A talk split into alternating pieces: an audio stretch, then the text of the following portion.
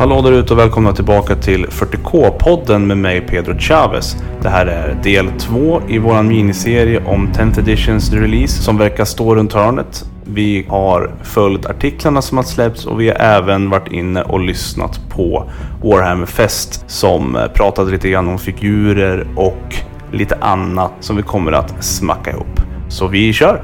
Och det första vi ska prata om är väl egentligen det som är absolut mest spännande och det är att GW har gått ut och berättat för oss hur man sätter upp ett spel i 10th edition och det är väldigt, väldigt mycket ändringar och jag tror att ledordet i 10th edition kommer att, om det nu fortsätter att vara så som GW nu har presenterat, random. Och vad menar jag med det då? Jo, det man kan börja med att säga det är att kort är tillbaka. Vi tänker tillbaka på 8th edition och Maelstrom of War där man använde kort för att hjälpa till att veta vad man skulle skåra för objektet för att få victory points. Och det har ju mötts med blandad kritik och jag har väl tyckt att det spelsystemet som vi haft just nu har varit väldigt bra. Men jag är ganska bias i och med att det är i princip det enda jag har spelat så jag har aldrig riktigt varit inne på att spela något som till exempel Maelstrom of War när man drar kort ur en hög med blandade objektivs vilket gör också att det blir en otroligt stor variabel på hur spelet kommer att se ut. Och jag har ju alltid förespråkat det att det ska vara lite mer fyrkantigt så att man har chansen att bli bättre på spelet och att kunna utnyttja vetskapen i vad spelet går ut på. För att kunna spela ut sin motståndare eller för att kunna utnyttja sin armé på ett så bra sätt som möjligt innan matchen börjar. Det vill säga att du bygger en armé som är bra på de här specifika sakerna. Det kan skapa en viss förvirring nu när man ska bygga en armé i tionde i och med att man inte kommer veta exakt vad du ska åstadkomma i din match. Säg att du har väldigt, väldigt snabba enheter men även väldigt långsamma durable enheter. Då måste du alltså splitta upp mot det här för att kunna täcka upp för möjligheterna till exempel skåra snabbt och dessutom skåra defensivt. Det här gör att den här coinflippen på vad man drar för kort kanske gynnar vissa arméer mer än andra när det väl kommer till kritan. Och det är ju det här jag tycker är lite, lite tråkigt med att jobba med kort. Den andra sidan säger ju istället att det är bra att vi jobbar med kort och att det är random eftersom man inte ska kunna opta för att kunna spela tre specifika saker som man har gjort i nionde. Man kanske har gjort det för att du ska kunna spela banner på ett bra sätt och samtidigt kunna scora behind enemy lines och samtidigt vara väldigt, väldigt bra på att göra en psychic ritual till exempel. Och det här är ju mot, det är ju, det är ju motsidorna av varandra. Så att jag tror att det handlar nog lite mer om vad man har för egna upplevelser av spelet och vad man själv tycker är bra för den fraktionen du spelar just nu. Och eftersom att vi inte vet hur våra fraktioner kommer att spela, i alla fall än, så är det ju här verkligen bara en, en diskussionsfråga om vad smaken säger. Och min smak säger att det smakar lakis, vilket jag tycker är väldigt äckligt. Men det vi kan konstatera i alla fall är att korten är tillbaka och med råge. Vi kommer att ha kort som bestämmer vilken typ av deployment vi har, vilken mission rule vi har, vilket primary mission, vilket secondary mission och vilken gambit vi har. Och vi kommer såklart nu att gå igenom exakt vad det betyder för oss när vi ska spela en match i 10th. För att kunna spela en match i 10 så behöver man veta vilken deployment-typ man har. Och i det här fallet då så är det ett kort man vänder upp och den deployment-kortet kan då visa till exempel Dawn of War, Hammer and Anvil eller att man ska deploya i quarters eller kanske till och med snea hörn som vi har kört tidigare. Vi vet ju inte exakt vilka typer av deployment zones det finns men de korten visar alltså kort och gott vart någonstans du får deploya någonstans. Nästa kort du vänder upp är ett Mission Rule-kort och ett Mission Rule-kort innehåller specialreglerna för missionet. Till exempel som vi haft i nionde så har det funnits specifika regler för missionet. Vi hade till exempel Tide of Conviction som sa att man inte fick deepstrika i neutrala zonen, man fick inte pregame-mova och man fick inte infiltrera i deployment. Så det är ungefär sådana specialregler som ni kommer att vända upp för att göra varje mission unikt. Så när vi nu vet vilket mission vi ska spela, vi vet vilken deployment vi ska ha och vi vet också vilka specialregler som finns på det här missionet så behöver vi veta hur vi skårar victory points. Och där kan jag inte ge något bra exempel, men om vi ska använda nionde som referens så var det ju enkelt att du ska hålla minst ett objektiv i slutet på din tur för att du ska skåra poäng. Och det enda som har visat som kan vara viktigt att ta upp här, det är att återigen så är det ju så att om du går som tvåa i spelet och kommer till runda fem. så skårar du dina VP i slutet på battle rounden, precis som det har varit i nionde. Och alla de här korten som vi har pratat om nu kommer att dras gemensamt, det vill säga att ni såklart spelar samma deployment, samma mission och så vidare. Men sen har vi nästa spiciness och det kommer via secondary mission. Här presenteras två val till ni som spelar. Och ni kan antingen välja att spela med generic secondaries, det vill säga att ni har de här basutbuden. Det finns Assassinate, det finns Grind, det finns Bring It Down och det här är de alternativen som fanns i Ninth bara för att förtydliga det för att ge ett tydligt exempel på vilka typer av secondaries det kommer finnas. Och det andra alternativet är ganska likt Maelstrom of War. Det är att du har en hög med kort som har massa, massa olika secondaries som ni skåra och välja mellan. Men det man gör är egentligen att du flippar upp två stycken secondaries som du ska klara av. Och när du har klarat av det som står på kortet så vänds det kortet bort. Du skårar de poängen som kortet visar att du ska få och sen så flippar du upp ett till. Här bjuds vi ännu en gång in på en karusell av randomness för att det här kan ju gå rakt åt pipsvängen men samtidigt så kan det gå hur bra som helst. Så det är en rysk roulette vi har hamnat i och jag vet inte riktigt om jag tycker om vad den här pistolen är laddad med för typ av ammunition. Så låt oss säga att vi har valt ett mission. Vi har fått Dawn of War. Vi har fått en specialregel som säger att vi inte får deploya i neutrala zonen så mina infiltrators är nu skit. Och vi har nu fått ett håll två håll mer via att vi har vänt upp det på Primary Mission-kortet. Och jag spelar en elitarmé så jag tycker inte riktigt om att sprida ut mina resurser. Så ganska tidigt i matchen känner jag att jag kommer att halka efter i Victory Points. Och man vet ju att nionde hade ganska hög kurva när det kom till hur snabbt det gick ut för när man låg efter i Victory Points. Det här har GW löst genom att skapa någonting som kallas för Gambit-kort. Och om ni någonsin har hört talas om en Hail Mary så är det dags att associera det till en Gambit. För en Gambit är just precis vad en Hail Mary är och det är the last attempt till att skåra dina primary och faktiskt kunna vinna den här matchen nu. Jag ligger under med 30 poäng men det finns fortfarande en liten chans. Jag går till runda 3. Och i runda 3 så ställs varje spelare inför ett alternativ eller ett val. Och det här valet är då det som vi har pratat om, en Gambit. Och det man gör då, det är att i början på Battle Round 3 plocka fram Gambit-korten som man har i en hög. Du blandar dina kort och sedan diskar ett kort på random. Och det gör man för att motståndaren inte ska veta vilka kort du har kvar i leken. Och i och med det inte heller vet exakt vilken gambit du kan komma att välja.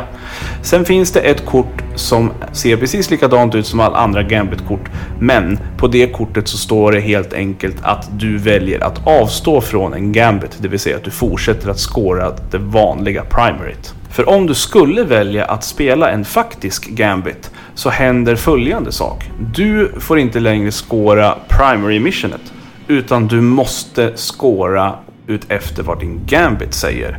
Och vi vet ju inte exakt hur alla gambits ser ut men den GV visade för oss visade oss hur faktiskt svårt det är att skåra en gambit. Det kortet sa att du skulle stå i en quarter och rulla 2 D6 och du kunde få plus ett på det tärningsslaget för varje enhet eller för varje hörn som du hade en enhet som kunde göra den här actionen på. Den enheten var också tvungen att inte vara battle shocked och inte vara i engagement range med en annan enhet för att kunna påverka den här dice-rollen. Och för att lyckas med den här typen av gambit så var du tvungen att rulla en 12 som resultat. Vilket gör att det är mindre än 10% chans att lyckas med en gambit utan att du är i flera hörn än ett. Det hela mynnar ju ut i att det ska vara extremt svårt att skåra din gambit men det ska också ge extremt mycket om du klarar det. För mina damer och herrar, om du klarar den här gambiten så skårar du 30 VP i slutet på matchen. vilket mycket väl kan vara en game changer. Så GV har egentligen gett oss ett sista chansen-kort och det i sammanband med alla andra kort av randomness gör att det blir så otroligt random. Och hela spelet kan stå och falla på att motståndaren spelar det och det kortet. Och inte längre handla om att motståndaren spelar den och den armén som kontrar det jag gör på det sättet. Jag hoppas hoppas och tror att GV har tänkt på det här för att det kommer att vara otroliga svängningar där inte längre playerskillen spelar så stor roll, vilket den har gjort hittills i och med att alla spelar med samma förutsättningar. Nu finns det istället 15 olika förutsättningar och tittar man på kombinationerna som kan komma att finnas så finns det ju inte en värld där man kan bygga en armé som ska kunna hantera allting hyfsat bra. Utan här tror jag nog att man som TO måste gå in och kanske minimera fönstret på randomness och kanske säga att vi kommer att spela de här missionerna men vi kommer att randomisera det här och det här. Det ska bli väldigt intressant att se hur TO-gruppen i Sverige väljer att hantera det här och jag ser en liten varningsflagga vinka ovanför mitt huvud när det kommer till hur mycket man ska våga att implementera egna regler i det här. För det verkar som att GV har verkligen gått hårt inför att det ska vara just random. Så för att summera det här nu då. Du väljer din deployment genom att dra ett kort. Du väljer specialreglerna för missionet genom att dra nästa kort. Och sen hur du scorar victory points under matchens gång med primary mission-kortet. Du och din motståndare väljer sedan secondaries. Du kan antingen välja generic secondaries eller så väljer du två kort på random som sedan byts ut så fort de är avklarade. Och sedan då i runda tre så ställs du inför Gambit-valet där du som spelare har möjlighet att droppa Primary Missionet och hoppa in på Gambiten eller spela ut att du väljer att fortsätta att spela Primary Missionet. I slutet på runda 5 så skårar First Player i början på sin tur och Second Player i slutet på sin tur. Och det är så spelet kommer att se ut i huvudsak. Väldigt, väldigt intressant och väldigt roligt att GW väljer att släppa det här nu. Någonting säger mig att det inte är så lång tid tills 10th släpps. Utan det kommer nog komma mer och mer information ju närmare juni vi kommer. Jag har ett datum som säger mitten av juni och jag tänker inte varken säga ja eller nej till det. Men det är vad som jag har fått höra i alla fall. Och med det så tänkte jag att vi skulle gå in lite mer och prata om vad som sades under lördagen på Warhammer Fest. Previewn av Warhammer 40K. Det var ganska mycket som spoilades och jag tänkte bara lite snabbt berätta här för er Tyranid-fans att det kommer att komma en mängd nya modeller.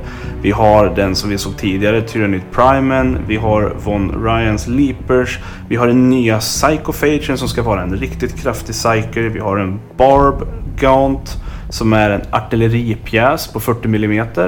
Tydligen så skjuter den supportskott. Någonting säger mig att det kommer vara utanför line of sight skott, vilket är meh, inte så kul kanske. Men modellen var superfet i alla fall.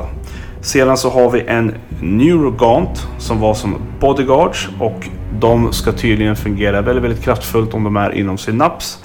Men om deras ledare dog eller om de var utanför synaps så vart de mycket, mycket svagare. Sen har vi den coolaste modellen som jag har sett på väldigt, väldigt lång tid. Och det är Neurotyrant, den som ska vara en av de kraftigaste psykerna i spelet i 10th.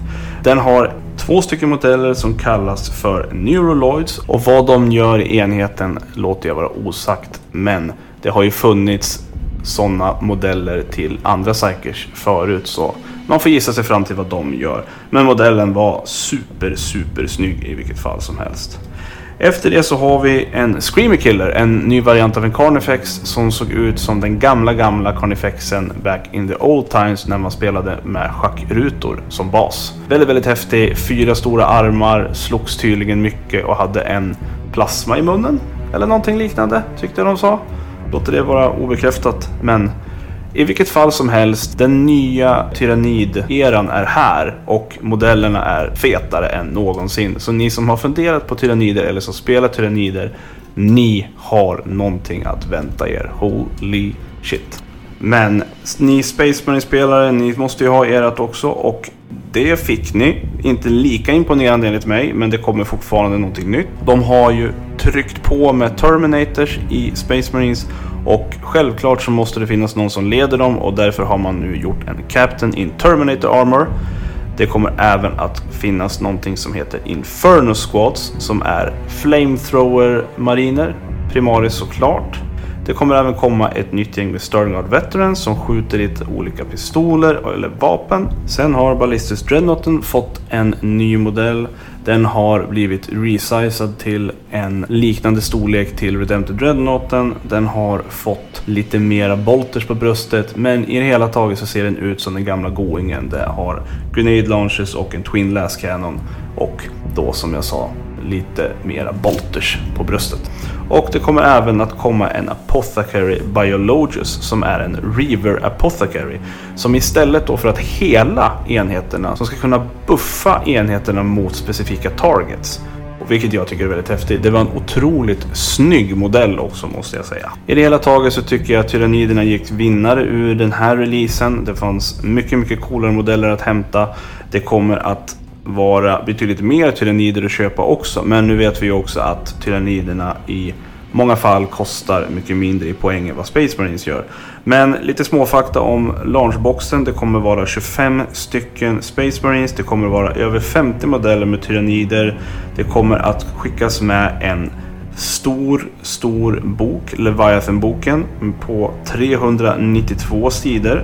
Den innehåller core-reglerna och även väldigt, väldigt mycket lore samt väldigt fina bilder från kända konstnärer inom Warhammer. Det kommer även finnas över 800 dekaler att välja på i den här boxen som kommer att finnas tillgänglig. Och det är alla chapter som ni kan tänka er. Det är väldigt, väldigt små dekaler tydligen, men häftigt för er som tycker om att använda dekaler antar jag. Och de var även noggranna med att gå ut och säga att även om nu Leviathan-boken innehåller K-reglerna så kommer man ändå kunna köpa dem separat sen såklart. Det de valde att avsluta med var att de kommer att släppa en novell som heter Leviathan så passande och som då kommer att handla om just High Fleeten Leviathans invasion av Imperiets solsystem. Och det får nog avrunda kvällens podcast för mig när jag spelar in det här. Jag kommer att lägga upp nästa avsnitt när flera spoilers har spoilats och med inte mer än så så får jag tacka för det här avsnittet och hoppas att ni fortsätter att lyssna på oss och fram tills vi ses, tack för mig. Pedro is out. Bye bye!